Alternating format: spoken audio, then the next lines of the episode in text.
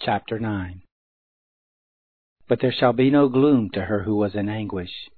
In the former time he brought into contempt the land of Zebulun and the land of Naphtali. But in the latter time has he made it glorious, by the way of the sea beyond Jordan, Galilee of the nations. The people who walked in darkness have seen a great light. Those who lived in the land of the shadow of death, on them has the light shined. You have multiplied the nation. You have increased their joy. They joy before you, according to the joy in harvest, as men rejoice when they divide the spoil.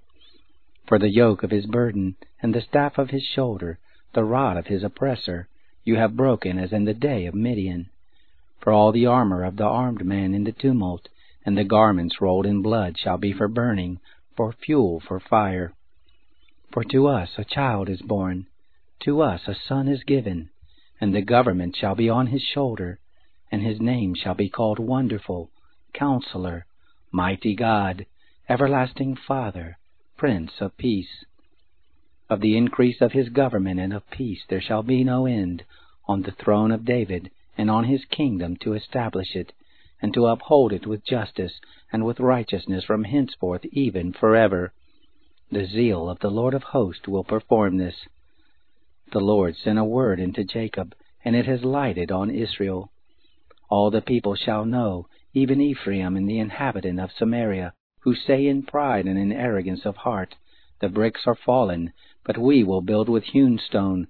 The sycamores are cut down, but we will put cedars in their place. Therefore the Lord will set up on high against him the adversaries of Rezin, and will stir up his enemies. The Syrians before, and the Philistines behind, and they shall devour Israel with open mouth.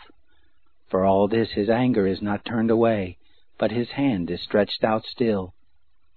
Yet the people have not turned to him who struck them, neither have they sought the Lord of hosts.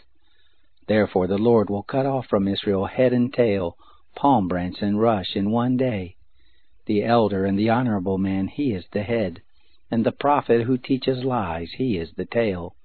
For those who lead this people cause them to err, and those who are led of them are destroyed.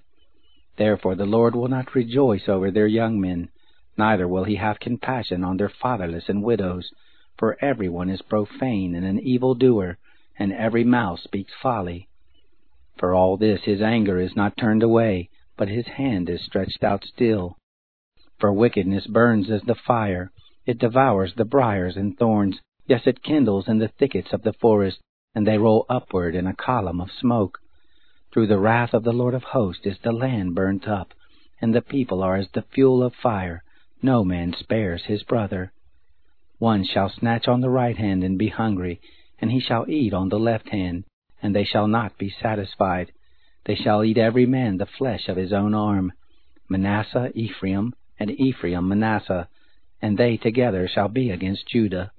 For all this his anger is not turned away, but his hand is stretched out still.